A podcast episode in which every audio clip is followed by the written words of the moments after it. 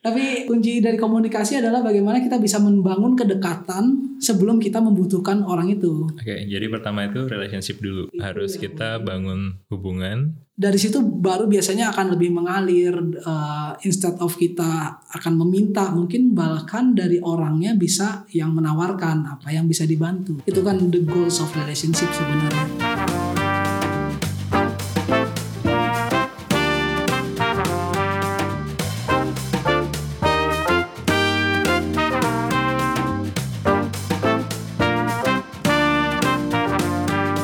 Welcome to Spectrum Talks. This podcast is presented by Suit Media, Creative Digital Lab. All things that were spoken in this podcast episode are purely personal opinion and do not necessarily represent view or perspective of organizations to which the guest and the host belong. Oke, selamat malam. Selamat datang di Spectrum Talks, podcast yang ngomongin soal bisnis, teknologi, teknologi dan entrepreneurship. Jadi narasumber kita malam ini adalah Pak Rudianto Tong, Chief Innovation Officer dari Doku, sebuah perusahaan payment gateway, salah satu pelopor di bidang layanan pembayaran elektronik dan risk management di Indonesia. Beberapa produknya Doku antara lain payment gateway, e-commerce, dan transfer services. Apa kabar Bro Rudi? Halo, kakak Anggri. Lama gak ketemu. Enaknya gimana nih Bro Rudi, kakak Rudi kalau zaman kuliah kan kita saling sapa satu sama lain kakak Rudi, kakak Anggri. Iya, gitu ya. mungkin pakai kakak juga nggak apa-apa ya. Oke, jadi eh, Bro Rudi ini teman dulu di Teknik Informatika ITB. Beliau angkatan 2004 sama kayak saya. Teman sekelas waktu kita TPB tingkat 1. Mm-mm. Bro Rudianto ini memulai karirnya sebagai programmer di PT Lapi, Lapi Difusi, kemudian melanjutkan karirnya sebagai project manager di Sangkuriang. Lalu sempat juga jadi Chief Operating Officer di Data Aksara Sangkuriang tahun 2011. Sebelum akhirnya bergabung di Doku tahun 2012. Awalnya sebagai sistem analis, kemudian promosi menjadi project manager, menjadi VP Ancillary Product dan akhirnya menjadi Chief Innovation Officer di tahun 2019. Beberapa topik obrolan kita malam hari ini antara lain fintech di Indonesia, kemudian IT project management dan product management. Oke. Oke, Kakak Rudi, gimana gambaran keseharian seorang Chief Innovation Officer nih? Kan itu title yang cool. Iya. Jadi kalau keseharian mungkin kita mulai dari pagi hari ya. Jadi saya membiasakan diri untuk bangun selalu selambat-lambatnya jam 6 pagi. Kemudian karena title inovasi berarti kan kita harus tahu sih kemudian di dunia ini yang lagi up to date apa berita apa yang sedang up to date terkait uh, produk teknologi. Nah, biasanya uh, saya spare waktu ya kurang lebih 1 sampai 2 jam untuk uh, browsing atau artikel-artikel yang menarik. Ah, karena kan saya juga subscribe ke Medium ya. Ada feed yang minimal lima hari lima artikel sehari saya coba baca kemudian di Doku kita masuknya jam, jam kerjanya officialnya jam 9 sampai jam 6 Eh, salah satu inovasi yang udah dijalankan di Doku juga kita berusaha untuk melakukan daily stand up untuk tim produknya. Jadi eh, standar ya eh, standar dari Scrum bahwa kita akan membahas tiga hal. Hal pertama adalah eh, apa yang udah kita lakukan kemarin, kemudian hal kedua apa yang mau kita lakukan hari ini, serta kendala apa aja yang dihadapi selama melakukan kegiatannya kemarin. Si. Kemudian ya seperti eh, yang lain-lain juga ya mungkin aku akan ada meeting atau kemudian ada balas-balas email satu dua. Kemudian ya setelah after office eh biasanya di doku sih kita banyak kegiatan. Jadi aku agak ikut-ikut beberapa kegiatan lah. Kayak kita ada main pingpong ada karaoke bareng kemudian oh yang paling aku suka sih ya, eh, kalau sekarang kan ada ponfit nih ya. Cuma aku nggak ikut. Kalau yang aku biasanya ikut itu yang hip hop Oke, jadi ngedance. ngedance gitu. iya. Itu after office-nya jam berapa? After office biasanya mulai jam-jam segini sekitar jam 7 malam. Oke, Jadi menarik katanya setiap hari kayak baca artikel di Medium 5 artikel itu before going to office. Itu before going to office. Biasanya baca-baca topik di bidang apa? topiknya ini karena zaman sekarang sepertinya learning udah sudah keren banget ya. Jadi Hmm. mereka kayak bisa memfit aku berita yang aku pasti buka gitu. Ya, rata-rata yang di feed ke aku itu berita tentang product management sama teknologi sih. Oke, oke. Dua hal itu yang eh, biasanya aku baca. Ada spesifik publisher yang di follow nggak atau yang selalu dibaca di Medium? Hmm, publisher yang di follow sekarang cuma satu sih Fajrin aja ya sebenarnya. tapi, tapi kalau eh, Fajrul Rashid Bukalapak Fajrin ya? Rashid Bukalapak ya. Tapi kalau kayak spesifik itu belum sih. Ya cuma baca-baca aja kira-kira eh, ada ilmu baru apa yang yang sedang ngetren, yang bisa kita implementasikan juga gitu. Ya, karena recommendation engine-nya Medium itu cukup bagus ya. Yes, menurut aku sih keren banget sih. Nah, itu kan selama uh, sebelum ngantor tuh. Ketika Hmm. ngantor biasanya untuk Rudy update soal inovasi itu apakah ada tim research sendiri atau Hmm. atau ada bagaimana kayak membagi tim research atau tim yang innovate? Karena aku nganggap nganggapnya innovation ini kan seperti R&D kan. Berarti ada researchnya, ada develop new product. Ya, jadi kalau saat ini eh, sebenarnya dari sisi innovationnya Doku kita lebih ke arah fokusnya ke arah transformasi produk existing. Nah, fokus awalnya sekarang adalah produk payment gateway. Pada dasarnya kan Doku sudah memiliki produk payment gateway sejak 2007 ya, itu sudah 13 tahun. Eh, artinya eh, secara teknologi mungkin sudah out of date, kemudian secara arsitektur mungkin sudah tidak agile lagi. Jadi sekarang fokusnya lebih ke arah ke situ sih, melakukan transformasi produknya. Kasarannya kita melakukan rebuild total sih eh, sistemnya. Oke, gitu. Jadi scope of worknya, innovationnya masih ke arah produk untuk tahun ini. Kalau seperti itu scope of work-nya beririsan sama chief product ya? Kan Irisan jarang-jarang nih ada role chief innovation di startup lain atau di company lain. betul. Irisan dengan tim produk ada karena nanti kan yang di sisi produk sebenarnya lebih fokus nanti ke bisnis as usualnya saat ini yang kita pembagian seperti itu. Jadi kalau produk yang sedang kita transformasikan itu jadi scope of worknya innovation. Begitu dia sudah mature, sudah product market fit, Oke. itu jadi scope of worknya ke arah produk lagi.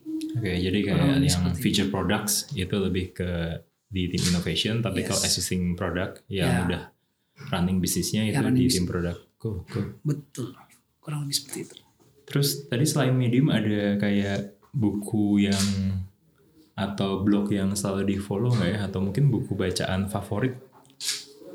Aku dari kuliah juga mungkin Kak Angri tahu ya agak jarang baca buku. Mungkin waktu kuliah pun cuma satu buku yang aku baca banget benar-benar dari awal sampai akhir itu struktur data ya tentang uh, database itu. Itu Carnegie Ritchie bukan sih? Ya, saya udah agak lupa juga. Tapi itu the one and only book karena itu pun karena buku warisan jadi kalau nggak dibaca malu sama yang ngasih. eh tapi kalau akhir-akhir ini sih lagi banyak tentang uh, data science ya lagi mulai banyak. Buku yang terakhir aku baca sekarang tentang how to build a data driven organization sih. Karena menurutku itu sesuatu yang penting dan nggak terlalu rumit. Jadi lebih ke arah bagaimana kita bisa mengambil langkah-langkah yang langkah-langkah awal dari perusahaan atau organisasi yang awalnya belum terlalu uh, data driven menjadi ya mulainya bagaimana gitu jadi Oke. itu buku yang sekarang lagi dibaca ya mungkin bakal jadi satu-satunya buku yang dibaca juga sih Itu bukunya Aureli bukan sih? Ah, Penulisnya? hmm, bukan Aureli sih publishernya Oke, cool. Nah, di luar pekerjaan ada hobi atau hal lain yang sekarang sedang digeluti nggak? Kalau zaman kuliah dulu kan, zaman kita kan seringnya Dota tuh. Iya. Aku masih Kita penghuni labdas Iya. informatika. Aku masih sama kayak dulu sih. Jadi kalau main game komitmen selalu komitmen nggak akan main dua game yang sama di satu waktu yang tertentu. Kalau saat ini sih eh, karena waktunya juga udah mulai terbatas, ya sekarang cuma main Pokemon Go aja sih. Oh, masih main Masih Pokemon Go. Pokemon Go. Oke. ya. Sampai beli ininya, eh, hardware-nya juga. Eh, hardware-nya sempet mau beli, cuma waktu itu kan reviewnya jelek se- karena kan nggak official masuk ke Indonesia. Jadi nggak jadi beli sih. Tapi kan kalau misalnya kita sibuk, terus seringnya kita di kantor, caranya kita jalan-jalan Pokemon Go gimana? Pas weekend aja atau? Eh, karena aku sendiri sebenarnya kebetulan tinggalnya di dekat kantor ya. Jadi setiap hari memang eh, jalan dari kantor mau pulang pergi. Oh, oke. Cuma sekitar 2 km jaraknya jadi lumayan lah 25 menit. dan selama 20 menit itu banyak tower-tower Pokemon Go ya. I, nggak banyak sih sebenarnya karena kan lewat jalan tikus itu. Jadi yang kita capture cuma kita distance-nya udah berapa jauh aja untuk uh, hatch the egg gitu-gitu sih. Oke, oke. Nah, itu mungkin pendahuluannya kita ngomongin topik seriusnya sekarang. Siap. Mungkin obrolan pertama kita terkait perkembangan fintech di Indonesia. Ya. Nah, kan fintech kan sekarang lagi penting nih. Padahal sebenarnya kalau kita flashback ke 10 tahun lalu atau 15 tahun, tahun lalu kan sebenarnya sudah banyak juga perusahaan-perusahaan yang menjadi pionir di industri financial technology. Salah satunya Doku. Mungkin Kakak Rudi bisa menceritakan kayak perkembangan Doku dari awal Rudi bergabung sebagai sistem analis sampai sekarang sudah berkembang sejauh apa sih? Karena buat orang awam itu kan taunya Doku itu Doku Pay yang Mhm, e-wallet. Betul. Kalau orang IT taunya atau developer taunya ya payment gateway plus Doku Pay. Tapi sebenarnya ada nggak sih mungkin bisa ceritain perkembangannya Doku selama Rudianto berkarya? Ya. Jadi Doku sendiri kita pertama kali berdiri di tahun 2007. Bisnis awalnya justru payment gateway. Jadi ketika 2007 itu co-founders kami melihat bahwa di luar negeri kan sudah mulai muncul seperti PayPal di mana orang bisa menggunakan kartu kredit untuk melakukan uh, pembayaran online. Jadi justru core bisnisnya awalnya di situ. Terus aku pertama kali bergabung di 2012 waktu aku pertama kali bergabung itu payment channel yang ada di Doku itu baru ada tiga. Ya, kita hanya punya kredit card, kemudian dulu ada namanya Mandiri ClickPay, sekarang udah mm, tidak ada lagi. Kemudian eh, juga ada yang eh, Klik BCA, jadi orang bisa bayar menggunakan. Saat itu cuma ada tiga. Itu direct debit ya, ClickPay sama Eh, bukan direct debit juga, Oh, bukan. tetap pakai token kalau Mandiri Ah, ClickPay. oke oke. Ya. Kalau klik BCA ini Klik maksudnya- BCA input user ID Klik BCA-nya. Kemudian uh, login ke user uh, Klik BCA terus uh, nanti akan muncul tagihannya. Oke oke itu masa lalu banget. Iya itu awalnya ya 2012 ya. Oke, itu masih Terus- ada itu dua channel itu. Mandiri ClickPay udah sejak tahun lalu, dua tahun lalu udah tidak ada lagi sih. Kemudian kalau Klik BCA sendiri sampai sekarang sih masih eksis, cuma memang tidak boleh dijual lagi ke merchant baru karena maintenance aja.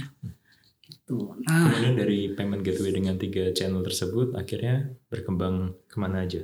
Nah, perkembangannya banyak sih. Jadi kalau dari sisi payment gateway sendiri, kalau waktu itu kan salah satu inovasi yang dihasilkan dari Doku adalah eh, kita bisa membuat satu integrated API. Karena kan kartu kredit, Mandiri ClickPay, eh, Klik BCA itu user experience-nya sebenarnya berbeda jauh. Eh, yang satu menggunakan user ID Klik BCA, satu menggunakan token, satu ya langsung diinput aja kartu kreditnya. Nah, kita buat jadi satu user experience yang kita sebut sebagai one checkout. Itu one of uh, the biggest achievement sih ketika di awalnya. One checkout itu sendiri membuat kita uh, bisa mengembangkan lebih banyak payment channel lagi supaya merchant tidak perlu harus setiap ada payment channel baru mereka integrasi baru cukup menggunakan satu platform one checkoutnya aja. Terus Itu sejak tahun perkembangannya- berapa yang one check out tadi? itu sekitar 2012 2013 kita rilisnya ya Berarti sebelum itu ketika beda payment channel itu akan beda beda journey-nya. API yes Oh beda API juga. API-nya akan beda journey-nya beda karena memang dari banknya kan berbeda Mhm. sebenarnya journey-nya ya di atas platform one checkout tersebut kita udah tambahkan banyak sekali payment channel sampai sekarang itu totally kita udah punya lebih dari 35 payment channel ya sekarang. Nah itu yang platform yang sedang kita rebuild.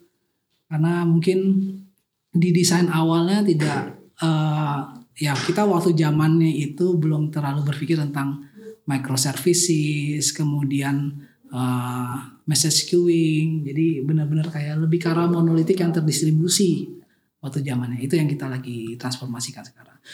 Kemudian doku sendiri 2015 kita ada rilis yang kita sebut sebagai my shortcut jadi kita melihat potensi bahwa sebenarnya kalau merchant harus daftar ke bank dulu untuk bisa menerima pembayaran itu kan prosesnya pasti panjang. Jadi kita buatlah skema namanya agregator. Itu juga pertama kali doku sebelum ada pemain lain. Di situ juga kita mulai melihat market yang lain di luar market doku yang biasanya doku biasanya main di korporasi kita mulai melihat ke SME startup yang memang membutuhkan layanan pembayaran tapi karena belum ada track recordnya nggak bisa diterima oleh perbankan.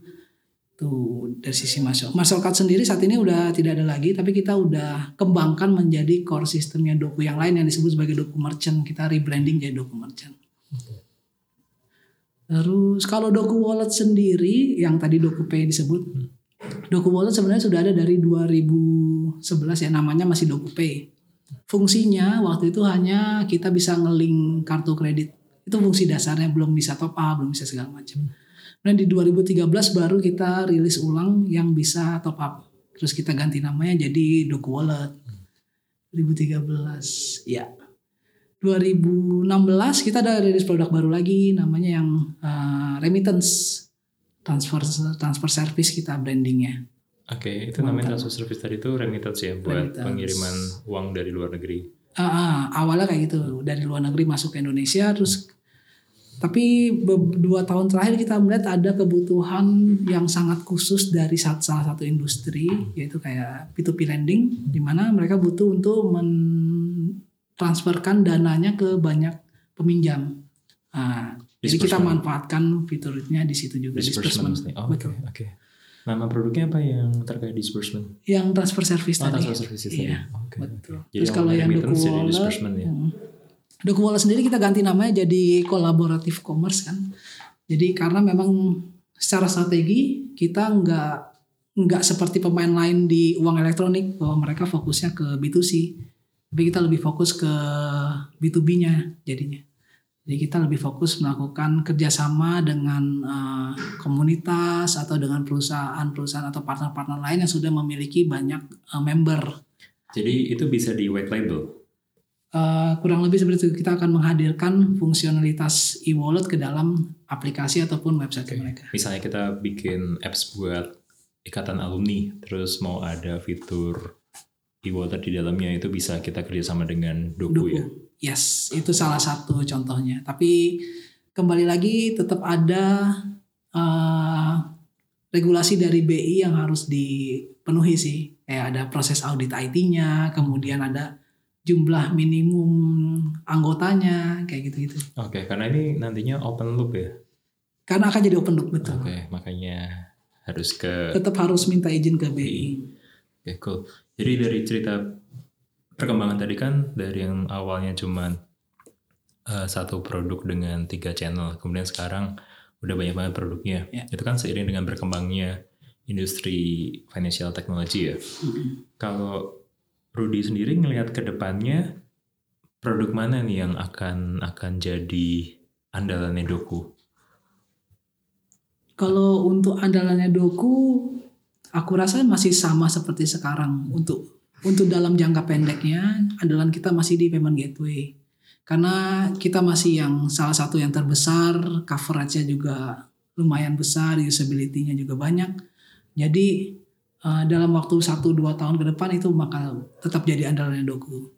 Tapi melihat dari target pasarnya, karena kan sebenarnya payment gateway target pasarnya adalah korporasi B2B yang mana jumlahnya kan pasti akan terbatas tidak, tidak ada eh, tapi dibandingkan dengan jumlah penduduk Indonesia jadi kecil banget kelihatannya jadi di masa depan yang kita lihat justru bagaimana caranya kita bisa memanfaatkan target market ini yang lebih luas ke B2C dengan eh, produk kolaboratif commerce yang sudah dikembangkan itu Oke. Saat Si- ini kolaboratif commerce-nya itu udah dipakai oleh brand apa aja ya? Kalau udah tahu. Uh, kita saat ini udah bekerja sama dengan beberapa brand. Mungkin yang yang sudah dikenal uh, MPM Honda itu mungkin kita bisa sebutkan MPM Honda. Jadi uh, untuk agentnya Honda mereka bisa dapat mobile apps untuk walletnya. Kemudian kita juga sempat bekerja sama dengan uh, di dunia- di dunia pendidikan kita ada kerjasama dengan Al Azhar jadi Al Azhar uh, membuat aplikasi namanya Salam Al Azhar. Uh, kemudian mereka membutuhkan fitur e-wallet kita masuk ke dalamnya. Oke, oke. Itu beberapa yang bisa kita sebutkan sih. Jadi pendekatannya itu nanti ke komunitas atau ke brand juga yang punya komunitas tersebut ya. Betul. Oke. Kalau untuk uh, syariah market ada arahan ke sana juga nggak? Kan sekarang kan lagi lagi naik daun juga tuh kayak fintech syariah. Iya. Kemudian ada juga pasar modal syariah. Iya. Nah, dari Doku sendiri ada arah untuk mengembangkan bisnis ke arah sana nggak? Ya, kalau dari Doku sendiri melihat pa- pangsa pasar syariah itu adalah sesuatu yang lagi naik daun memang saat ini dan kita melihat masih banyak potensi-potensi yang bisa dikembangkan di sana. Berdasarkan produk roadmap kami di 2020 itu memang kita akan fokus ke mengaktifkan beberapa payment channel terutama virtual account dari bank-bank syariah Hmm. supaya bisa diterima pembayaran secara online. Tapi kalau eh, kamu lihat ekosistem kita sekarang ini gitu, itu kan eh, secara secara penetrasi pengguna fintech itu belum besar ya. Mungkin dua tahun terakhir itu didorong dari pengguna e-wallet atau istilahnya itu e-money, Imani. Yaitu mulai meningkat signifikan. Cuman itu kan juga belum belum besar kalau kita lihat kayak aplikasi ride hailing itu masih banyak juga loh yang masih bayarnya itu cash. Mereka Betul. pakainya iman itu ketika dikasih in- insentif, Insentif, kayak misalnya promo, diskon promo atau 0 rupiah gitu. Nah, proses edukasinya ini kan butuh investasi yang besar nih. Kalau ngelihat eh, kondisi sekarang ini, menurut Rudy, ekosistem fintech di Indonesia ini apa sih yang masih kurang? Ya, kalau kita ngomong tentang ekosistem, berarti sebenarnya kan nggak jauh dari regulasi ya. Kita harus ngomong tentang regulatornya. Walaupun sebenarnya kita lihat regulator itu sebenarnya sudah sangat sangat mendukung karena kita lihat eh, sekarang banyak sekali hmm, regulasi-regulasi yang udah diterbitkan. Eh, sekarang payment gateway harus ada license-nya, tidak semua perusahaan bisa jadi payment gateway. Kemudian sudah ada regulasi tentang kris juga, jadi supaya antar pemain uang elektronik itu tidak saling bersaing yang totally saling bunuh gitu jadinya. Jadi dari sisi regulasi eh, udah sangat mendukung. Nah, dari regulasi juga sudah sering berdiskusi dengan banyak-banyak pemain industrinya ya. Jadi kalau di regulator itu biasanya mereka suka panggil Doku karena Doku juga sebagai pionir di payment untuk melakukan eh, semacam FGD fokus group discussion, kemudian kami diundang juga ke sandboxnya untuk memastikan bahwa semua regulasi yang diterbitkan itu sesuai dengan uh, kebutuhan industri. Itu. Tapi kembali lagi ke pertanyaan apa sih sebenarnya yang masih kurang? Tadi aku setuju banget dengan uh, pernyataan awal dari Angri bahwa memang yang masih kurang itu adalah edukasinya. Apalagi mirisnya saat ini um, di masyarakat umum itu fintech itu sudah identik dengan pinjol P2P? Oke. pinjaman online ya. Jadi itu yang harus kita mulai bareng-bareng antara regulator, pemain industrinya untuk meluruskan kembali ini. Sebenarnya eh, fintech itu bukan hanya pinjaman online, fintech itu bukan hanya uang elektronik, tapi masih banyak komponen-komponen di belakangnya. Gitu. Jadi ya yang perlu diperbaiki mungkin di situ ya mengenai pemahaman masyarakatnya. Oke. Tapi kalau misalnya kita lihat masih banyak kan orang itu prefernya transfer langsung atau kalau sekarang mungkin difasilitasi sama virtual account ya. Iya. Cuman menurut Rudy sebenarnya lebih menguntungkan ketika orang-orang itu pakai virtual account atau pakai ya e-money, e-wallet atau credit card dari sisi pemain di bidang ini ya. Ya, kalau dari sisi merchant sebenarnya kembali lagi ke eh, target market merchantnya ya.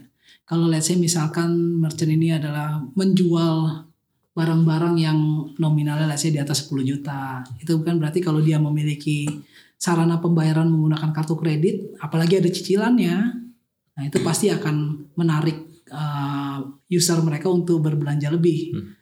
Jadi kalau aku lihat sih eh, kembali lagi ke target marketnya ya Oke. untuk mengenai mana yang lebih disukai. Cuma memang betul eh, saat ini pun dari data kita melihat bahwa eh, mayoritas transaksi yang terjadi di Indonesia masih berbasiskan transfer atau yang virtual account tadi. Hmm. Tapi kita juga melihat tren bahwa transaksi menggunakan uh, melalui channel-channel O2O offline. Saya dia datang ke salah satu gerai, kemudian dia bayar ke kasirnya itu juga mulai mengalami peningkatan sih. Itu yang kita lihat sebagai potensi ke depannya ya terkait ini. Kalau kayak O2O kemudian VA itu kan salah satu alasannya kenapa masyarakat kita masih prefer channel pembayaran itu kalau berdasarkan aku diskusi ya dengan orang-orang yang cenderung konservatif, mereka itu concern sama security. Kayak seberapa aman sih kita masukin nomor kartu kredit kita di website e-commerce atau mungkin malah di landing page yang lain gitu. Mm -hmm. Kan integrasi dengan Doku kan ada beberapa model kan, ada yeah. juga yang ngeluarin pop up. Kemudian customer harus masukin credit card yeah. numbernya di sana. Nah, dari Doku sendiri ada nggak kayak uh, kiat-kiat how do you make sure that your system is secure? Ya, ini sangat menarik pertanyaannya terkait kartu kredit. Memang kalau kita lihat transaksi menggunakan kartu kredit itu sangat mudah ya.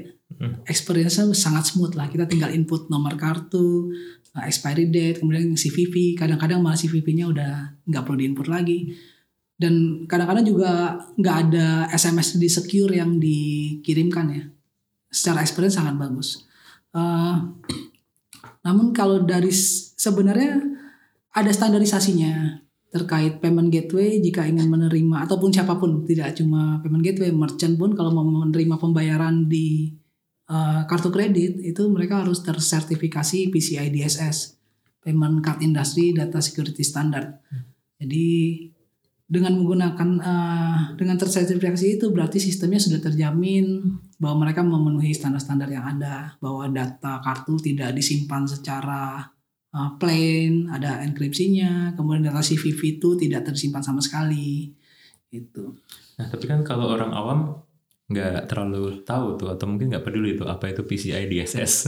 Betul. Kalau zaman kita kuliah dulu tuh mungkin yang marak tuh soal carding ya. Carding. Kalau sekarang mungkin yang marak soal phishing.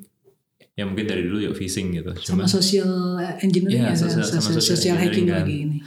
Nah, apakah dengan kita implement PCI DSS itu cukup atau mungkin ada usaha yang dilakukan Doku untuk ngasih brand awareness ke target marketnya bahwa ini tuh aman loh kalau menggunakan transaksi online. Ya. Jadi mungkin aku coba jawab dari dua sisi ya. Pertama, apakah PCI DSS itu hanya dari sisi teknologinya dulu? Apakah PCI, DSS itu udah cukup? Jawabannya enggak. Kenapa? Karena dengan kita memenuhi standar di sisi sistemnya kita, di arsitekturnya kita, uh, belum tentu kita bisa memastikan bahwa ini kartu benar-benar orang itu yang pakai yang menggunakan. Hmm. Jadi di situlah uh, Doku melihat ada peluang dan kita juga membangun yang kita sebut sebagai risk mitigation, risk engine.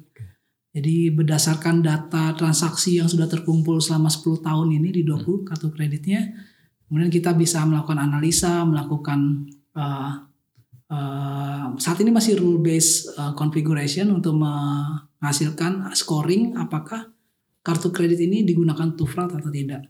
Jadi itu dari sisi teknologinya.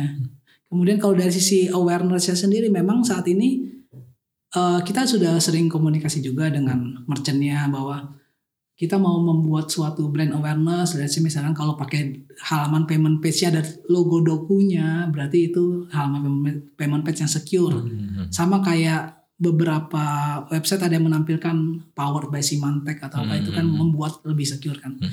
Cuma memang kendalanya adalah uh, saat ini di sisi industrinya masih melihat bahwa uh, kalau bisa logo doku nggak ada sama sekali gitu hmm. karena benar-benar mau di di white label halaman paymentnya ya. Karena dari sisi kita juga mungkin uh, saat ini masih bargaining powernya yang masih kurang ke industrinya. Nah untuk itu sebenarnya kita ada beberapa inovasi yang sudah sedang kita bangun gitu. Yang kita tawarkan adalah kita akan coba untuk uh, fokus ke arah tokenization. Okay. Jadi instead of customer input credit card terus-terusan, dia bisa kartu kredit tertoken. Nah, tokenizationnya itu yang memanfaatkan lisensi dari dompet elektroniknya Doku. Nah, kita coba jual itu sebagai kita coba publish itu ke market kita lihat kita akan coba lihat nanti uh, respons dari marketnya seperti apa Tapi kalau saat ini ya kendalanya itu kita mau coba membuat sebuah brand untuk meyakinkan, cuma ya dari sisi industrinya masih masih belum menerima. Jadi kalau bisa disimpulkan antara user convenience dan security itu kadang security risk dan user convenience itu kadang berbanding terbalik ya. Betul Makin sekali. convenience buat user, security risknya tuh makin tinggi. Yes, ya itu trade off yang mana harus dihitung baik-baik kira-kira Iya, iya.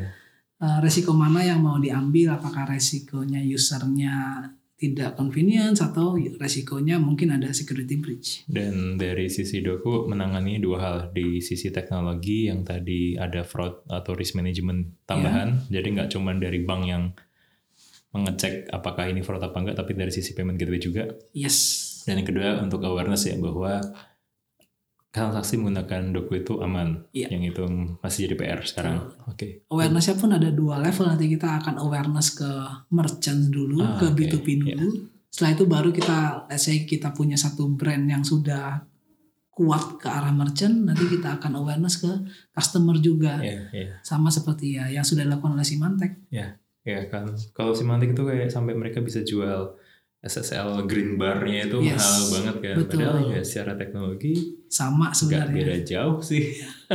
So that's the goal. Oke, cool, cool. Nah, Rudy kan mengawali karirnya itu banyak sebagai project manager ya. Iya. Kita ngomongin soal topik kedua kita terkait IT project management. Menurut Rudy, seberapa krusial sih peran seorang project manager dalam suatu development proses? Iya. Pada zamannya project manager itu adalah segalanya kan dalam sebuah pengembangan pengembangan project ya. Mereka harus bisa memastikan project berjalan dengan baik, kemudian mereka harus bisa memastikan bahwa segala perencanaan yang dilakukan, baik itu terkait scope of work-nya, terkait time delivery-nya, terkait uh, cost atau manpower yang digunakan itu semua sesuai dengan perencanaan. Pada zamannya sih memang ya Maksud- sangat krusial perannya. pada Maksudnya zaman. pada zaman ini gimana? Kan itu triangle itu selalu relevan tuh sampai sekarang antara cost, scope, sama time. Mm-mm. Kalau ngomongnya pada zamannya, emang kalau sekarang gimana? Kalau triangle-nya pasti tetap relevan. Yang tidak jadi relevan lagi adalah proses perencanaan jangka panjangnya itu. Oke, oke. Jadi Jadi, biasanya kita tiga bulan kita rencanain tiga bulan ke depan apa yang yang yang kita harus deliver, ada deadline-nya. Nah itu yang sekarang aku rasa sih udah udah berganti trennya ya, sudah tidak seperti itu lagi. jadi yang dulu itu kita masih apa ya istilahnya nggak long term juga sih, tapi Kayak project based jadi. kita planning sesuatu untuk kita develop tiga bulan ke depan. Yes. Jadi dulu tuh mungkin waterfall, Waterfall. atau unified process atau iteratif. Iya. Tapi sekarang periodenya itu makin di Makin ya. Iya. dan akhirnya jadi agile. Agile. Nah Itu kalau lagi definisi agile menurut Rudy itu seperti apa ya? Kan itu orang-orang banyak yang menerjemahkannya beda-beda. Ada yang take it formal as a Scrum project management, ada yang agile tuh ya yang penting kita fleksibel gitu. Beberapa case malah mereka implementnya tuh extreme programming yang Iya. agile yang even nggak perlu ada dokumentasi sama sekali. Yes. Nah, kalau menurut Rudy, agile project management yang baik itu yang kayak gimana? Kalau agile yang baik, yang pastinya yang bisa sesuai dengan kebutuhan ya. Jadi eh, seperti makna dari agile itu sendiri bahwa kalau ada perubahan, karena segala sesuatu di dunia ini pasti berubah, nggak ada yang pasti selain perubahan, dan kita akan nggak akan bisa memprediksi, kita bukan peramal yang bisa memprediksi tiga bulan lagi apa yang akan terjadi, dua bulan nanti apa yang terjadi. Jadi kalau menurut aku sih agile sesuai dengan manifestonya ya harus bisa seperti itu ya. Ya bisa beradaptasi terhadap segala sesuatu perubahan ya. Terus ya kayak working software over documentation. Aku agak agak sepakat sih, tapi bukan berarti dokumentasi nggak penting. Dokumentasi itu penting, cuma kalau software lagi ada bug, beresin bugnya dulu, bukan dokumentasinya dulu.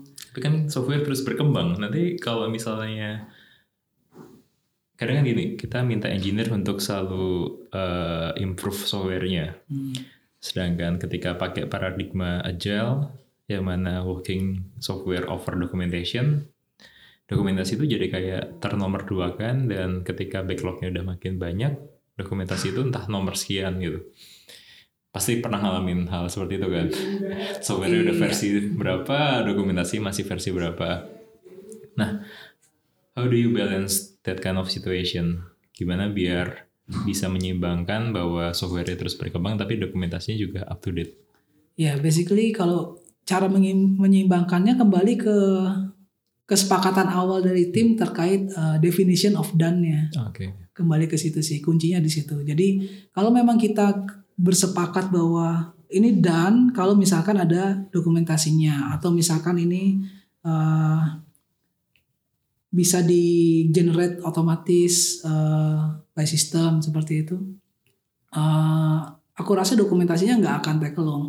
Tapi aku lihat sih lebih ke arah kalau lagi ada masalah aja. Jadi kalau kita lagi ada troubleshoot atau kita ada ada sesuatu yang urgent untuk dilakukan, pastikan softwarenya jalan dulu, baru dokumentasi yang lain menyusul. Jadi dokumentasi bukan ter, mungkin bukan terkait dokumentasi sistemnya, tapi lebih ke arah misalkan kita butuh change request, approval. Ah, oke. Jadi dokumentasi dokumentasi seperti itu yang bisa dikebelakangkan sebenarnya. Tapi kan itu tipikal, berarti kamu tipikal yang yang penting get things done dulu lah, get shit done dulu, urusan lainnya itu belakangan. Nah, menurut Rudy nih, kan kalau background Rudy kan sempat jadi programmer, kemudian sempat jadi analis. Iya. Makanya ketika jadi project manager, khususnya untuk project IT, ya kamu pasti bisa, apa ya, bisa ngelihat detail dari pekerjaan timmu, baik itu Hmm. engineer ataupun analis ataupun desainer. Tapi menurut Rudy perlu nggak sih kayak background so background seorang project manager tuh harus dari developer atau dari analis atau bisa juga project manager itu orang yang non teknis. Ini ada pengalaman di Doku. Hmm. Di Doku kita pernah ada project manager yang memang backgroundnya bukan IT sama sekali. Oke. Jadi sebenarnya kita kembali lagi. Project manager itu kan sebenarnya tidak melulu tentang teknologinya. Ada beberapa beberapa faktor yang harus dimiliki oleh seorang project manager. Pastinya kalau dia mengerti tentang teknologi bagus. Tapi minimal paling nggak dia tahu tentang eh, SDLC lah, software development life cycle bahwa ada proses apa saja di dalam pengembangan software. Menurut aku tuh udah udah cukup untuk seorang eh, yang belum ada background teknologinya untuk menjadi IT project manager. Tapi ada kualitas-kualitas lain yang kita lihat dari sosok ini gitu. Misalkan dari faktor komunikasinya. Karena kan project manager itu harus bisa mengkomunikasikan antara user kemudian ke arah engineer. Bahasanya kan pasti beda. Yang satu pakai bahasa A, yang satu pakai bahasa B gitu. Hmm. Itu bahasanya. Kemudian ngomong ke desainer juga beda. Lebih menggunakan feel. Kalau ke engineer lebih menggunakan logic. Kalau mungkin ke arah usernya atau ke arah kliennya lebih menggunakan uh, business approach. Jadi kualitas seperti itu yang yang perlu ada di project manager dan itu uh, tidak melulu harus dari IT gitu. Ya di Doku pernah ada beberapa project manager yang memang tidak ada background IT-nya. Oke, jadi kesimpulannya tadi dua technical knowledge itu sebatas SDLC aja sama yang kedua communication ya. Iya. Tapi kalau misalnya milih dua itu menurut Rudy lebih krusial mana sih antara skill komunikasi sama pengetahuan teknis? Biasanya kalau di project manager yang kekurangan di bidang eh, komunikasi rasanya udah fatal sih. Tapi kalau misalkan dia kurang di pengetahuan teknis ya biasanya bisa dibantu oleh sistem analis Oke, oke, oke. sih. Jadi lebih krusial komunikasinya kalau menurut aku sih terutama ya managing client expectation is very hard. Ya agree sama itu. soalnya. Eh, Dari hati agree. Kenapa aku agree dengan itu? Karena di Suite Media sendiri kita nggak ada dedicated role project manager. ya. Jadi di Suite Hmm. Media itu kita adanya role account eksekutif yang mana dia akan in charge dari masa pre-project atau pitching, ongoing project sampai ke maintaining relationship. Hmm. Dan dia akan maintain komunikasinya dengan klien. Meanwhile dia juga harus manage project internal gitu. Dan so far sih dari 10 orang timku account eksekutif itu cuman satu orang yang backgroundnya IT. Oke. Selebihnya backgroundnya ada yang komunikasi, bahkan Iya. ada yang agak nyeleneh kayak misalnya sastra atau Mm-mm. accounting. Cuman skill utamanya itu komunikasi. Betul. Sedangkan untuk teknis, agree juga. Yang penting tahu prosesnya, tahu step-stepnya apa aja yang harus dikerjakan, dan untuk project-project yang krusial secara sistem itu memang harus ditemenin sama sistem analis yang yang senior sih. Iya. Itu. Kurang lebih sama sih di Ya. Doku juga seperti itu. Ngomong-ngomong soal komunikasi, gimana sih menurut Rudy komunikasi yang efektif itu supaya sebagai project manager itu tuh kan kadang kalau misalnya kita nggak punya skill teknis atau mungkin kita nggak punya pengalaman sebagai desainer gitu, terus kita harus nyuruh desainer untuk get things done. Ada nggak tips-tips komunikasi efektif for project manager? Ya, kalau komunikasi mungkin ini lebih berlaku general ya, nggak Hmm. hanya terjadi di project manager sebagai product manager, sebagai atasan itu pun wajib mem- membangun komunikasi yang baik ya. Untuk membangun komunikasi yang baik, pasti harus ada background story-nya dulu. Kita nggak bisa ujuk-ujuk datang ke satu orang, ujuk-ujuk yang bahasanya, ujuk-ujuk datang ke satu orang kemudian eh langsung bilang bahwa eh kerjain A kerjain B itu kan pasti mereka kayak ah siapa sih ini kenapa sih orang ini minta-minta terus jadi itu ownernya. kecuali ownernya ya tapi di situ kunci dari komunikasi adalah bagaimana kita bisa membangun kedekatan sebelum kita membutuhkan orang itu Oke, jadi pertama itu relationship dulu. Itu Harus yang kita kuncinya. bangun hubungan. Setelah itu, dari situ baru biasanya akan lebih mengalir eh, instead of kita akan meminta mungkin bahkan dari orangnya bisa yang menawarkan apa yang bisa dibantu itu kan the goals of relationship sebenarnya oke. jadi aku rasa sih udah ya itu berlaku general ya semua memang harus seperti itu sih Tapi kan building relationship itu takes time dan takes effort kan. Tapi ketika untuk ngomongin kita udah ngomongin teknis nih, Mhm. suatu project harus live dengan deadline yang ketat gitu. Kemudian ada team member yang mungkin dia nggak pernah nih kerja bareng kita, Ya. dan dia yang available untuk diassign ke project kita gitu. So, bagaimana kamu membangun hubungan itu dalam waktu singkat supaya timmu itu tuh inline ke arah yang sama? sebenarnya ini juga berlaku di sisi produk ya jadi Mhm. basically kalau kita mau semuanya inline kita harus punya visi yang sama Mhm. kita harus bisa melihat mimpi yang sama jadi kalau di produk mungkin lebih lebih lebih lebih real ya. Kalau project kan karena dia ada deadline-nya terus mau nggak mau di, dikerjain. Kalau nggak dikerjain ya kita tinggal eskalasi ke atasannya gitu.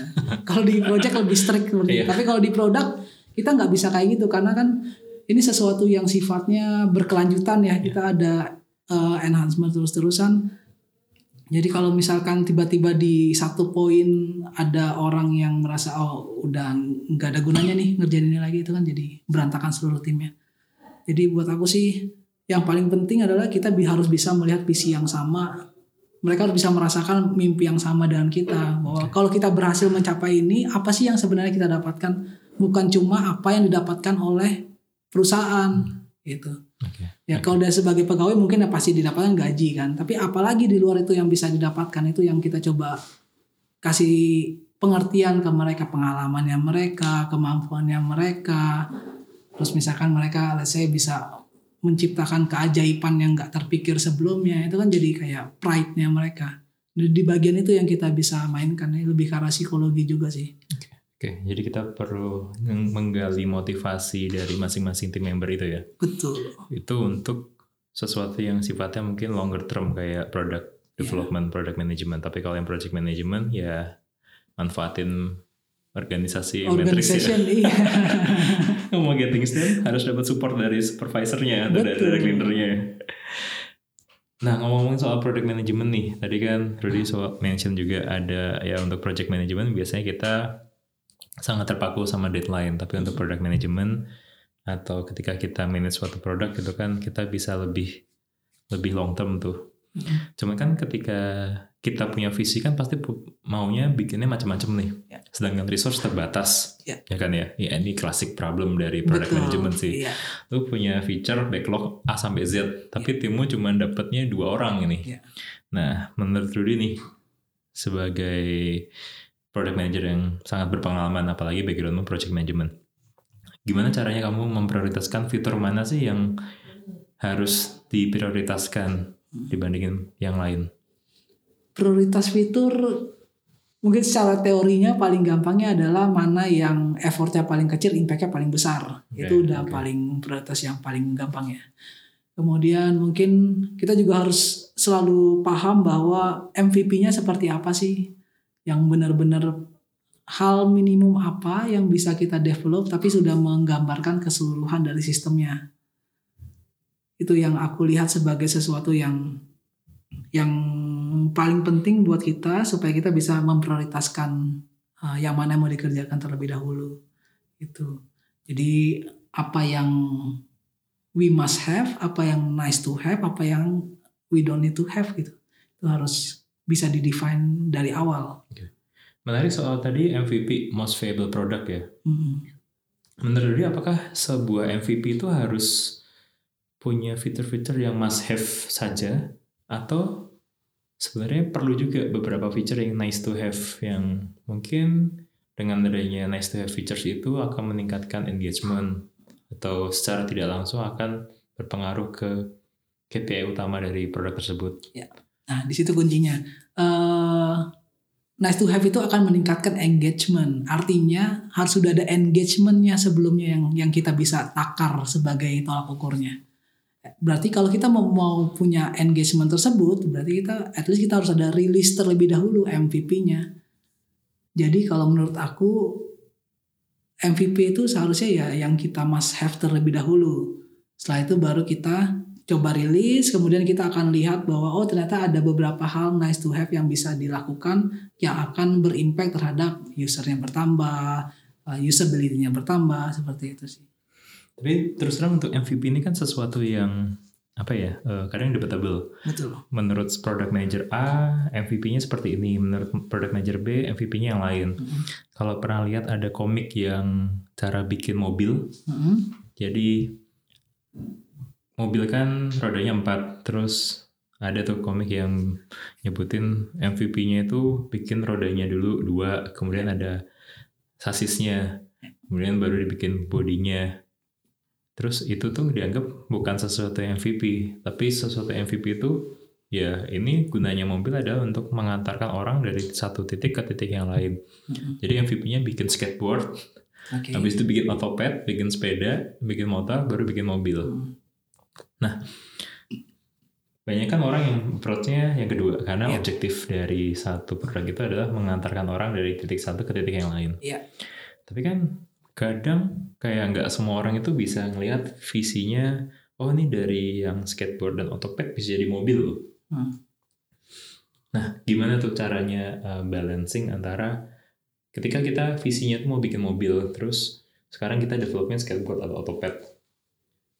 Itu cara-cara cara uh, convincing baik internal employee maupun eksternal atau customers itu gimana? Atau mungkin Rudy punya pendapat lain, nggak setuju nih dengan pendekatan seperti itu gitu. Oh aku setuju banget. Oh, setuju, setuju aku yang justru kedua. setuju banget yang kedua. Iya. Yang kayak kita mau bikin mobil yang objektifnya untuk memindahkan orang dari satu titik ke titik yang lain, maka MVP-nya kita bikin otopet, skateboard. Yes, karena objektifnya kan tadi kembali ke goalsnya apa? Oke. Goalsnya adalah memindahkan orang dari A ke B. Jadi eh, MVP yang bisa kita lakukan adalah ya bagaimana kita bisa memindahkan. Nah sekarang tar, eh, tantangannya pastinya bagaimana cara kita bisa menjual ke internal kita sendiri lah. Bagaimana kita bisa meyakinkan mereka bahwa hey yang kita akan bikin mobil. Karena kan mereka pasti ngeliat, oh ini cuma otopet, ini cuma skateboard gitu kan. Iya, Eh, iya. nggak nggak sesuai dengan yang dijanjikan di awal. Apalagi ketika misalnya kamu rekrut orang, kemudian visi kita ini bikin mobil mobil otomatis gitu. Tapi kita bikinnya ternyata skateboard otomatis. gitu. Hmm. Nah, berarti yang pertama perlu dilakukan adalah gimana kita convincing internal kita. Betul. Dan itu ya memang eh to be honest itu jadi main job pertama aku di Doku Oh, sebagai Chief Innovation di mana Oke, kita mengconvince semuanya untuk bagaimana Doku Payment Gateway itu bisa bertransformasi.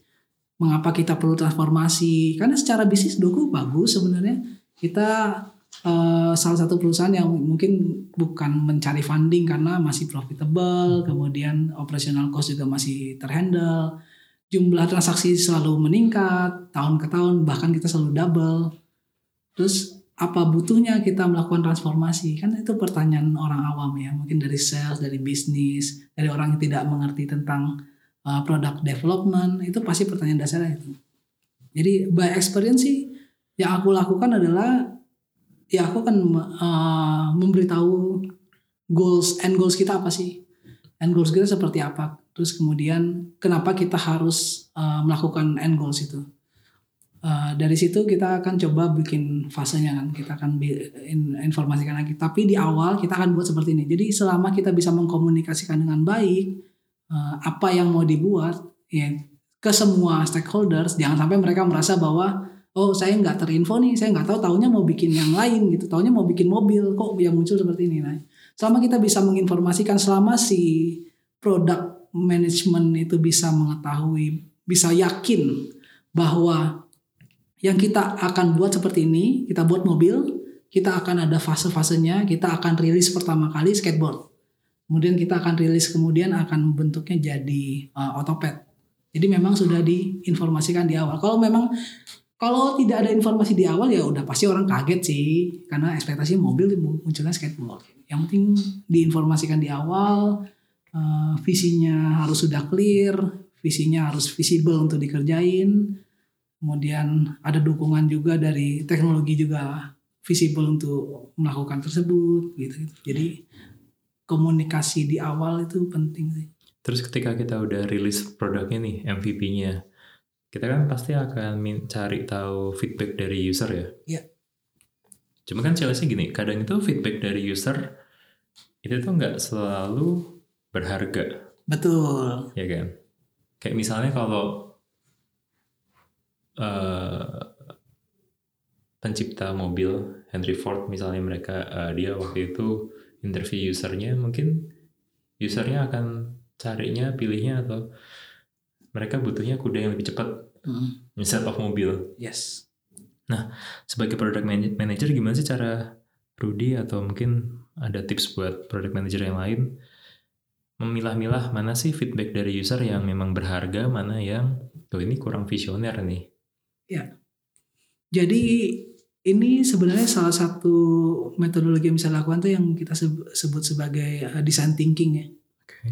Jadi dasar dari design thinking adalah bagaimana kita bisa berempati, bagaimana kita bisa membayangkan seakan-akan kita adalah user. Mungkin untuk beberapa produk yang memang usernya B2C itu lebih mudah, tapi kalau misalkan saya kita harus membayangkan seandainya saya merchant, saya mau ngapain itu kan lebih sulit. Tapi di situlah challenge-nya sebagai seorang produk. Di empathy itu akan membawa kita ke satu titik di mana kita bisa memvalidasi uh, yang disampaikan oleh uh, user ini adalah sesuatu yang benar atau enggak. Karena dasar dari empathy adalah kita harus bisa mendefine dulu usernya ini benar user kita atau bukan user kita. Bisa aja sebenarnya mereka memberikan feedback tapi sebenarnya bukan target marketnya kita atau misalkan mereka ternyata bukan bukan orang yang akan berkontribusi apa pun ke produk kita ke depannya. Nah kayak gitu-gitu yang harus kita bisa uh, eliminasi. Okay. Tapi kalau misalnya user tersebut memang benar nih target market kita mm saat ini dan saat yang akan datang, ada nggak sih kayak perlu nggak sih kita kayak ngebagi uh, kita hanya mau dapetin feedback dari user-user yang visioner atau mungkin istilahnya itu power user atau special user. Atau malah power user atau special user itu tuh malah bikin kita bias. Kita harusnya dapetin feedback dari semua jenis user. Menurut Rudy bagaimana itu? Kalau aku sih lebih uh, condongnya ke arah kita tentukan persona seperti apa yang mau kita uh, akomodit di awal. Karena kan ya basically kita nggak bisa membuat semua orang bahagia. Hmm. Kalau mau bikin semua orang bahagia jual es krim aja gitu yeah. kan istilahnya. Uh, jadi ya kita harus bisa menentukan mana persona-persona yang memang kita mau bikin bahagia gitu okay. di awal. Uh, mungkin ada orang yang memang decision maker, ada orang yang uh, memang punya background yang yang kita lihat cocok gitu. Jadi kuncinya pemilihan persona tadi sih. Oke, dan kita akan uh, ngefilter feedbacknya dari yang sesuai persona tersebut dan kita gunakan empathy untuk memahami sebenarnya maksudnya user ini apa ya. Betul. How they feel, how they behave, nggak cuman what they say. ya kan ya? Yes. Karena belum tentu apa yang mereka sampaikan itu tuh yang mereka alami gitu. Kayak Betul. bisa ditanya, suka nggak produk ini? Ya suka gitu. Tapi ternyata dia bilang suka karena itu teman kita gitu. Ya, bisa jadi.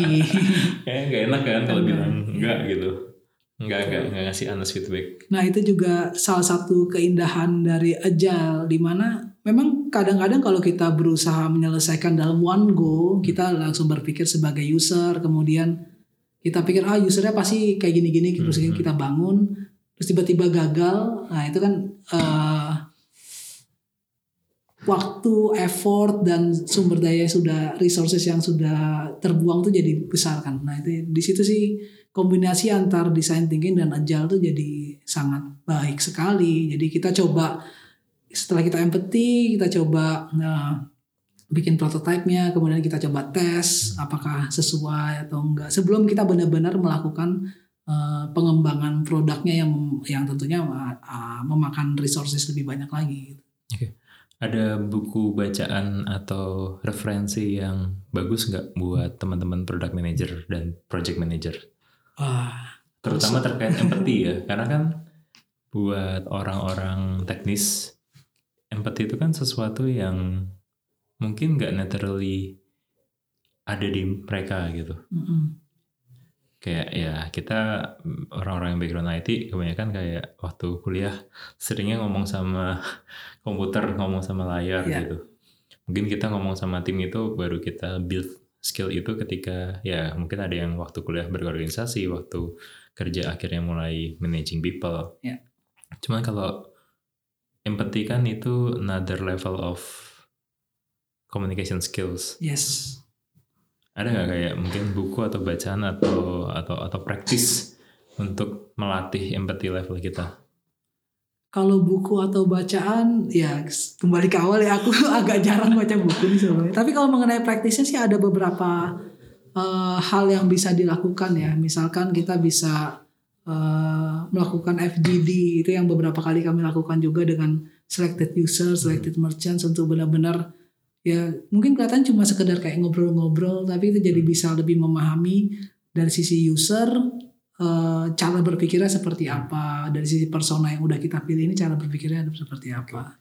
Untuk teknis FGD-nya sendiri kalau di doku setiap persona itu diwakili oleh berapa orang?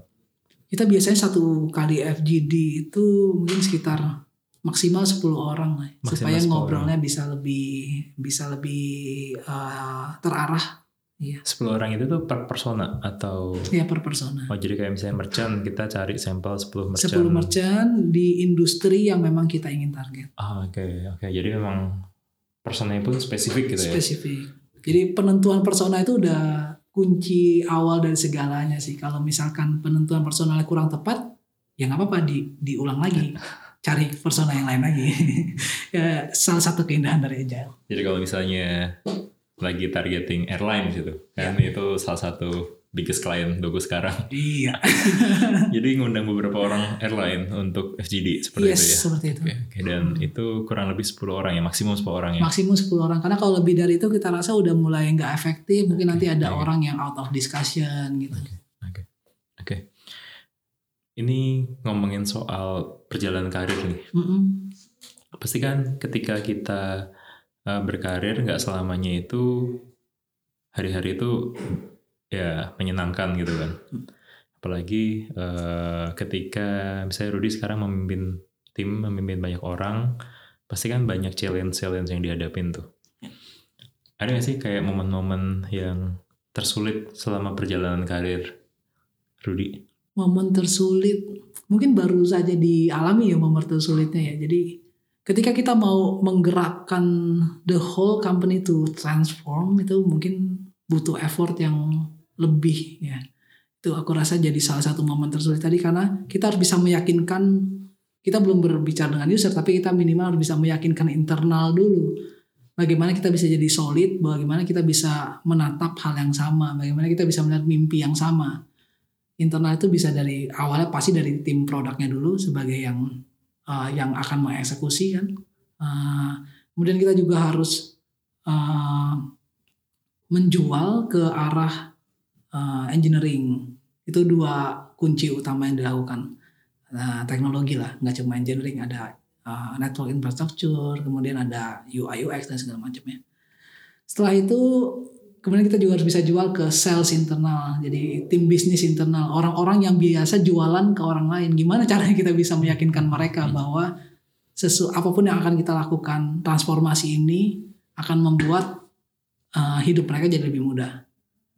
Terus yang terakhir juga bagaimana kita bisa meyakinkan operational team. Karena kan biasa dengan segala macam update uh, perubahan yang kita inovasikan, ada kemungkinan nanti akan muncul insecurity dari tim operasional kan. Mungkin uh, kerja mereka akan jadi lebih efektif, mungkin akan muncul insecurity seperti itu. Nah, itu yang harus kita juga pikirkan uh, what's next dari operational team ini bisa diberdayakan ke sisi lain ke sebelah mana apalagi yang memang pasti ada aja bagian-bagian yang kita masih membutuhkan operational team. To be honest, kayak misalkan walaupun kita mau mengembangkan machine learning atau apa pun, 80% dari semua permasalahan yang ada di industri itu sebenarnya bisa diselesaikan tanpa menggunakan machine learning, masih human learning atau operational team lah. Kurang lebih seperti Jadi uh, bagaimana bisa meyakinkan mereka di luar insecuritiesnya mereka itu juga jadi challenge terbesarnya. Terus paling awalnya prioritas nol tentunya meyakinkan si level yang lain yeah, ya. leadership. Bagaimana mereka mau, eh kita mau rombak total nih semuanya. Waktu aku memaparkan pertama kali memaparkan uh, rencananya, jadi aku coba tiru caranya Jeff Bezos ya. Yeah. Instead of presentation, aku buat uh, tulisan gitu, tujuh lembar, kebanyakan sih biasanya cuma enam ya. Tujuh lembar kemudian dibagikan ke manajemen meeting dan I just please just read. If you have any question, ask me. And the first question was, ini kira-kira mungkin apa enggak?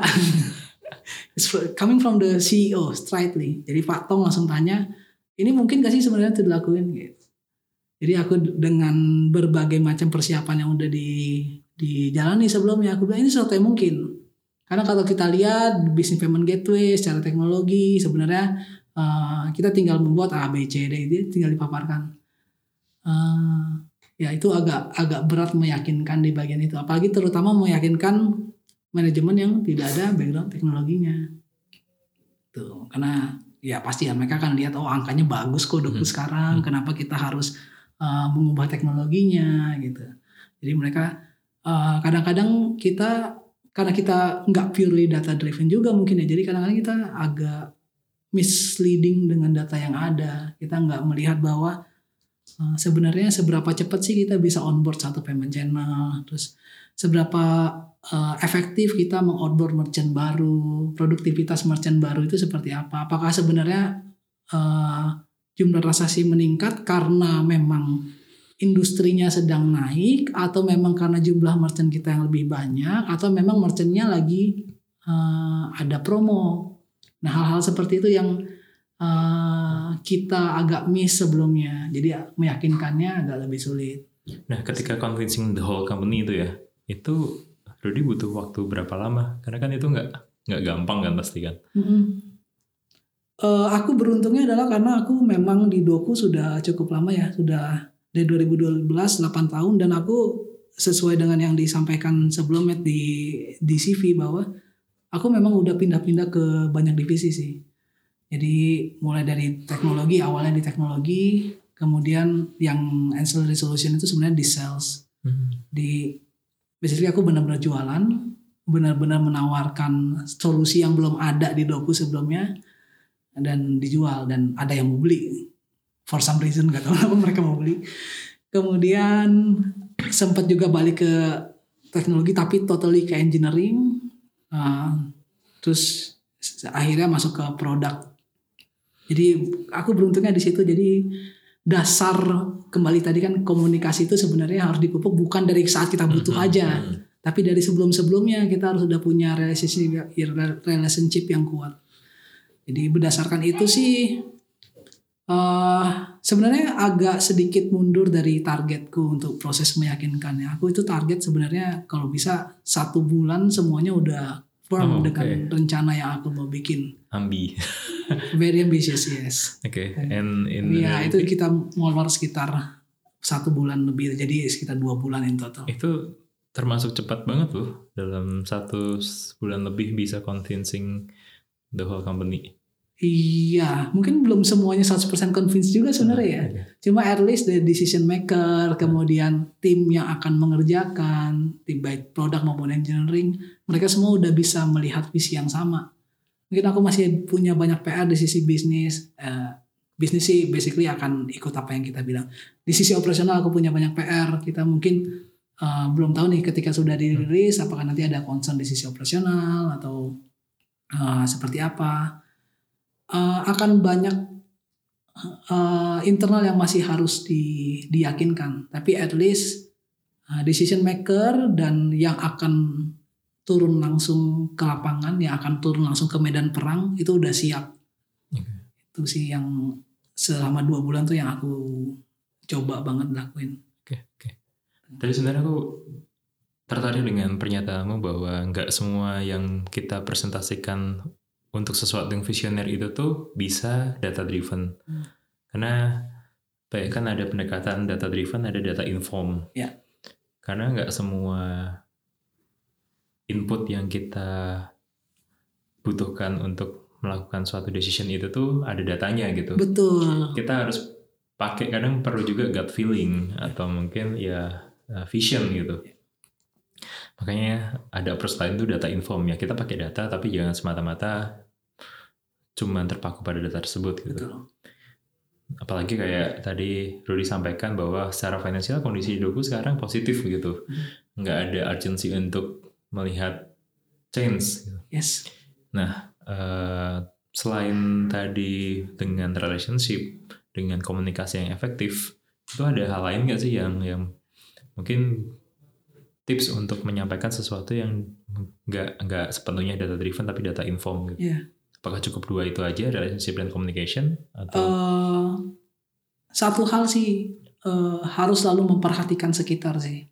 Harus selalu aware dengan apa pun yang terjadi di sekitar. Karena isu sekecil apa pun itu bisa dijadikan trigger untuk buat kita. Nah harusnya kita transform supaya ini nggak kejadian Kebetulan di saat itu di detik-detik terakhir aku dapat satu isu yang major banget besar banget sebenarnya tapi itu jadi kayak turning point untuk eh, oke kita harus lakuin ini kalau nggak ini akan pulang lagi ini belum boleh diekspos ya? Eh, nggak apa-apa kan isunya nggak dikasih tahu juga. Isunya apa Iya. gitu penasaran. Tapi kuncinya sih itu, kuncinya kita harus bisa melihat segala keadaan, kita harus bisa memanfaatkan apa pun yang ada di sekitar kita untuk eh, ya di balik kesulitan pasti ada kesempatannya. Aku selalu percaya itu sih. Untuk spesifiknya melihat sekitar kita itu ngelihat apa yang dilakukan kompetitor, apa yang dilakukan regulator dan apa yang dilakukan pemain global. Seperti itukah? Kalau se- dalam konteks yang meyakinkan internal, aku lebih ke apa yang dilakukan oleh internal sih.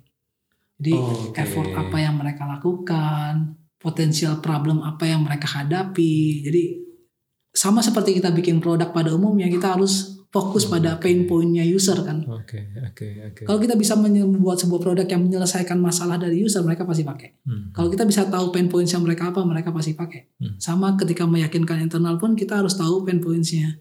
Cuma kadang-kadang pain points itu nggak nggak kelihatan sehari-hari. Hmm. Kalau operasional mungkin akan kelihatan tiap hari. Mereka akan melakukan hal yang sama, menghabiskan waktu untuk melakukan hal yang sama Hmm. berulang-ulang. Itu Hmm. kelihatan obvious. Tapi kalau yang sifatnya uh, case basis itu kan kadang-kadang kita harus lebih peka aja. Kadang-kadang kita nggak merasa bahwa itu sebuah masalah, tapi ternyata itu jadi masalah. Nah kita bisa ride on that wave lah ceritanya. Kurang lebih oke. seperti itu. Kalau ya selesaikan pain point-nya, maka produk itu pasti dipakai. Oke. Go, Saya- go In, insights. inti ya inti dari jualan kan seperti itu harus tahu kita mau jual ke siapa, terus kita harus tahu mereka butuhnya apa, terus kita jual lah sesuai kebutuhan. Sama kayak aku suka yang di ini sih di filmnya Wolf of Wall Street yang mungkin udah tahu ya. Sell me your pants. Sell me your pen ya. Oke. Ya itu itu mungkin sangat basic tapi ya itu dasar dari semuanya dasar dari jualan-jualan intinya komunikasi komunikasi dari relationship semua di dunia ini saling berhubungan sih sebenarnya Oke, oke, cool. Nah, ketika menjalani keseharian sebagai Chief Innovation atau mungkin dulu sebagai Project Manager atau Product Manager, pasti kan ngalamin stres tuh. Hmm. Tadinya sebenarnya waktu gue tanya hardest moment, kirain bakal jawab ketika manage project dengan deadline yang tight, Oh, tapi resource-nya terbatas. itu nggak pernah bikin stres sih kalau Seriusan? Ya, itu justru aku ini orangnya kayak kalau deadline tuh kayak adrenalin rush justru malah enjoy Oke, cool. kan kita sama-sama deadliner Eh, itu gue dulu. dulu tuh kalau lagi deadline gue selalu pasang status YM, Yo Messenger waktu itu, deadliner in action. iya sesama deadliner yang adrenalinnya rush ketika deadline justru jadi malah menikmati semakin kejepit kita itu malah semakin rasanya semakin gimana gitu begitu kita berhasil melalui fase itu kan jadi kayak Ya, ya gitu lah ya cuma kan orang-orang kayak gitu tuh nggak nggak common ya. iya sebetulnya Apa kalau kalau lu kerja sendiri mungkin bisa gitu. Tapi ketika kamu manage satu tim gitu kan nggak semua tim itu tuh bisa perform under pressure tuh. yes Nah ada tips nggak kayak eh, gimana biar eh, mungkin dirimu sendiri atau mungkin tim membermu supaya nggak stress out ketika ada pressure let's say deadline atau apa pun Yes. itu gitu. kuncinya ada di awal di awal mulai dari proses pembentukan tim itu sendiri. Ada baiknya kita membentuk tim itu sesuai dengan personalitinya misalkan kita ada dua tim satu tim yang sifatnya moderate satu tim yang sifatnya gerasa gerusuk itu harus sesuai jangan sampai dicampur. Kalau dicampur nanti ya ketika ada deadline yang siap emang siap yang nggak siap jadi breakdown. Jadi pada dasarnya kan kita mau membangun apa pun itu pasti ada dua karakteristik itu. Ada yang membutuhkan waktunya cepat ada yang membutuhkan kualitasnya yang nggak boleh ditolerir misalkan kayak kita bikin terkait payment itu kan kesalahan sedikit pun nggak boleh gitu. Hmm. pencatatan finansial kesalahan satu rupiah pun nggak boleh ada. Nah hal-hal yang seperti itu ya kita harus bisa membentuk tim yang memang karakteristiknya sama gitu. Sama-sama orangnya teliti sama-sama orangnya nggak gerasa gerusuk tapi kalau misalkan kita mau mengerjakan sesuatu yang very tight deadline kayak misalnya kita mau ngejar suatu fitur tertentu supaya bisa go live ke market kita mau uh, file fast build fast build file fast terus learn lagi build lagi ya timnya harus dipersiapkan yang seperti itu kuncinya dari pembentukan timnya sih Oke, ketika membentuk tim itu, apakah personality itu hal yang given atau itu bisa di training? Menurut Rudy. kalau menurut aku pribadi training bisa mengubah tapi let's say misalkan aku di training selama satu bulan penuh dicuci otak itu ceritanya tapi aku sendiri udah hidup selama 32 tahun 33 tahun udah men- menjalani sesuatu yang berbeda gitu kalau nggak bener completely cuci otak sih nggak akan bisa Oke. benar-benar merubah kebiasaan ya sesadar atau nggak sadar itu pasti dilakukan Nah, kalau kayak gitu kan berarti yang bisa apa ya?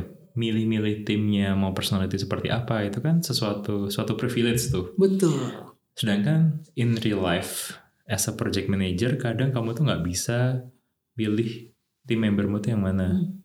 Karena apalagi kalau misalnya pas organisasinya matrix, lu butuh developer, lu butuh designer, dan yang available itu cuman dua orang ini nih, yang mungkin mereka cocoknya di saat kondisi damai gitu. Iya. Tapi ini lu lagi dalam kondisi perang nih. Iya. Ada big client yang uh, you have to meet the deadline Iya. and very tight. Nah, kalau kayak gitu, apakah tetap akan berusaha negotiate supaya dapat resource yang sesuai dengan personality yang dibutuhkan Hmm. atau ya mencoba untuk fleksibel? Nah, di sini aku suka banget mengquote dari uh, practice yang sering dilakukan oleh Scrum. Jadi satu Scrum team itu kan consist of ada produknya, ada engineer-nya, ada QA-nya, ada UI UX-nya, ada dat- datanya lah. Jadi benar-benar spesifik untuk satu Scrum team itu aja. Dia benar-benar fokus. Dia mau ditugaskan di medan perang yang mana, nggak ada masalah. Yang penting adalah komposisinya tetap seperti itu.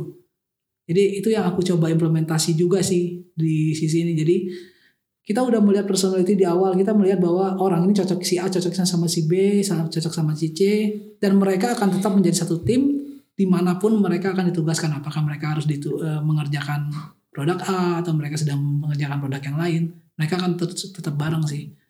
Jadi itu yang aku coba eh, terus dijaga sampai sekarang.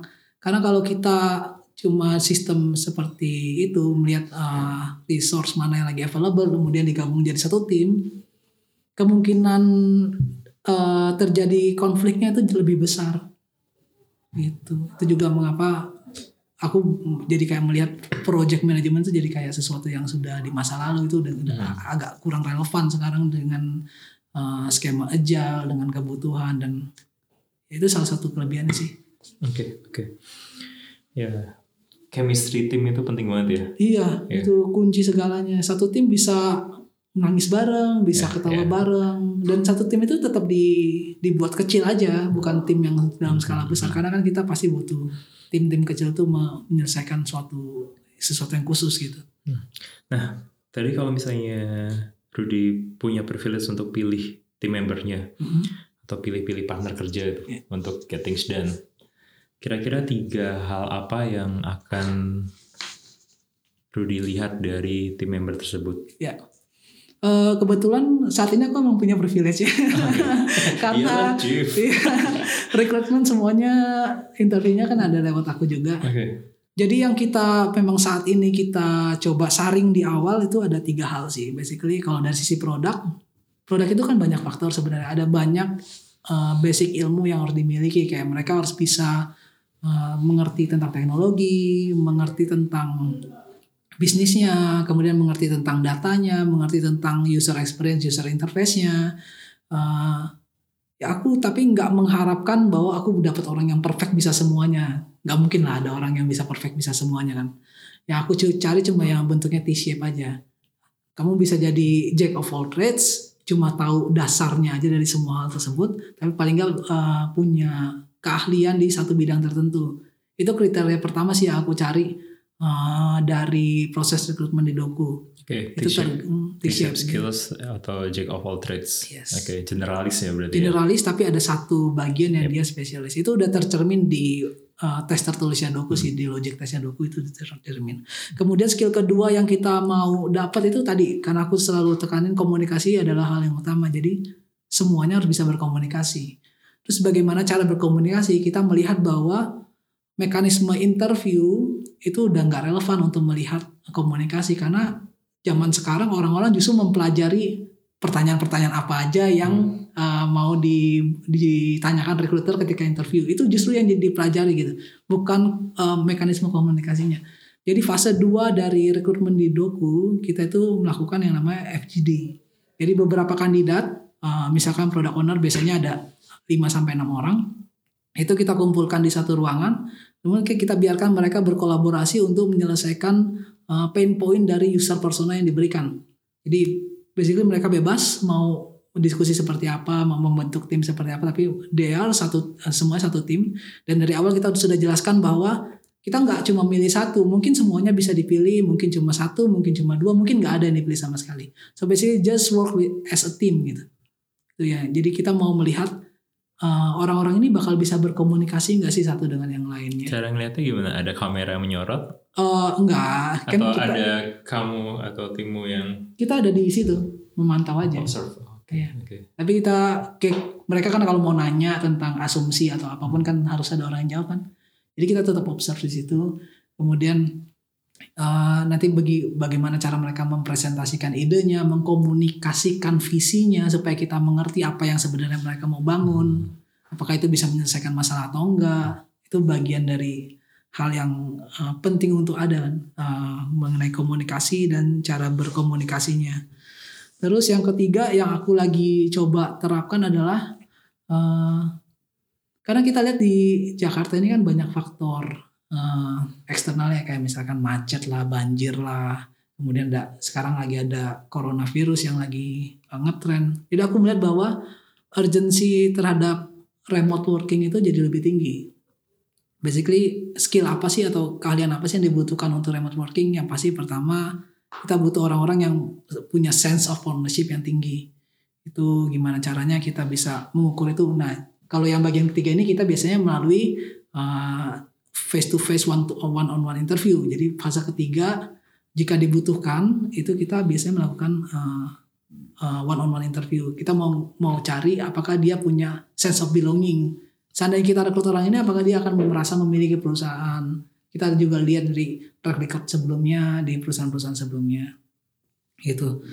Uh, kemudian yang penting juga untuk dilakuin itu gimana pemahaman mereka tentang agile itu sendiri. Karena uh, namanya kita kalau mau remote working segala sesuatu itu jadi jadi unpredictable kan. Uh, bisa aja ketika mau kerja tiba-tiba anak datang terus matiin laptop ya bisa aja kayak gitu. Jadi uh, bagaimana mereka bisa beradaptasi dengan baik terhadap segala sesuatu yang terjadi yang yang nggak bisa diprediksi sebelumnya. Di apakah mereka adaptif apakah mereka cukup agile untuk melakukan itu itu juga jadi salah satu yang yang jadi uh, perlu ditekanin. Terus yang ketiga biasanya kita ngetes kita biasanya akan cerita visi kita mau ngapain secara overall transformasi yang akan dilakukan Doku itu seperti apa. Kita akan cerita, kemudian kita akan lihat pemahaman terhadap visinya seperti apa. Karena salah satu kunci bagaimana mereka bisa tetap termotivasi ketika remote working adalah karena mereka tahu goalsnya apa. Kalau enggak ya kalau bisa main game kenapa harus kerja gitu kan apalagi nggak ada yang ngawasin. Hmm. Jadi tiga hal itu yang dengan goals utama kita mau merekrut orang-orang yang siap untuk ya amit-amit nggak terjadian mudah-mudahan misalkan harus remote working orang-orang ini adalah orang-orang yang memang benar-benar siap. Oke okay. oke. Okay. Okay. Jadi tadi uh, yang pertama T-shape skills, yang kedua communication, yang ketiga remote working skills. Yes.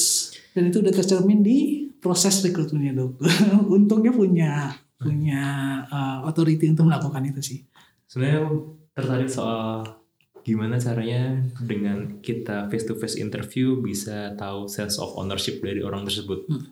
karena ya terus terang kalau hal seperti itu kan terkaitnya karakter kan jadi kalau kalau aku sih punya prinsip ketika kita rekrut orang kita cuma bisa nilai itu tiga hal doang capability dia saat ini hmm. communication skillnya sama chemistry yeah. tapi karakter kemudian capacity itu tuh hal yang baru ketahuan setelah kita kerja. Makanya kita butuhnya probation period kan. Ya. Nah, tadi caranya bisa dapat sense of ownership orang itu ketika face to face communication itu ada tipsnya nggak? Ini pertanyaan menarik karena tuh biasa ini nggak bisa dijawab pakai data jadi banyak yang memang lebih ke arah gut feel-nya oh, jadinya okay, ya kita lebih kayak melihat mungkin data yang bisa kita ambil kan terlepas dari kayak di CV-nya dia kerjanya berapa lama, kemudian dia bisa menjelaskan sebelum sebenarnya apa sih yang dikerjakan, apa sih di, di perusahaan sebelumnya sih, apa yang dia kerjakan, apa yang udah dia lakukan. Dari situ kan kita paling tidak bisa mendapatkan gambaran sebenarnya di perusahaan sebelumnya sense of ownership-nya sebesar apa. Jadi lebih karena uh, meminta si kandidat untuk bercerita, okay. bercerita sebelumnya seperti apa gitu. Dan perlu gut feeling untuk ngejudge, oke okay, ini orang punya sense of belonging yang kuat. Yes, gitu ya. at the okay. end pasti perlu itu sih. Okay. Okay. Tapi at least kita udah bikin matriksnya. Hmm. Jadi walaupun isi dari matriksnya itu masih gut feel, tapi udah ada matriksnya okay. gitu.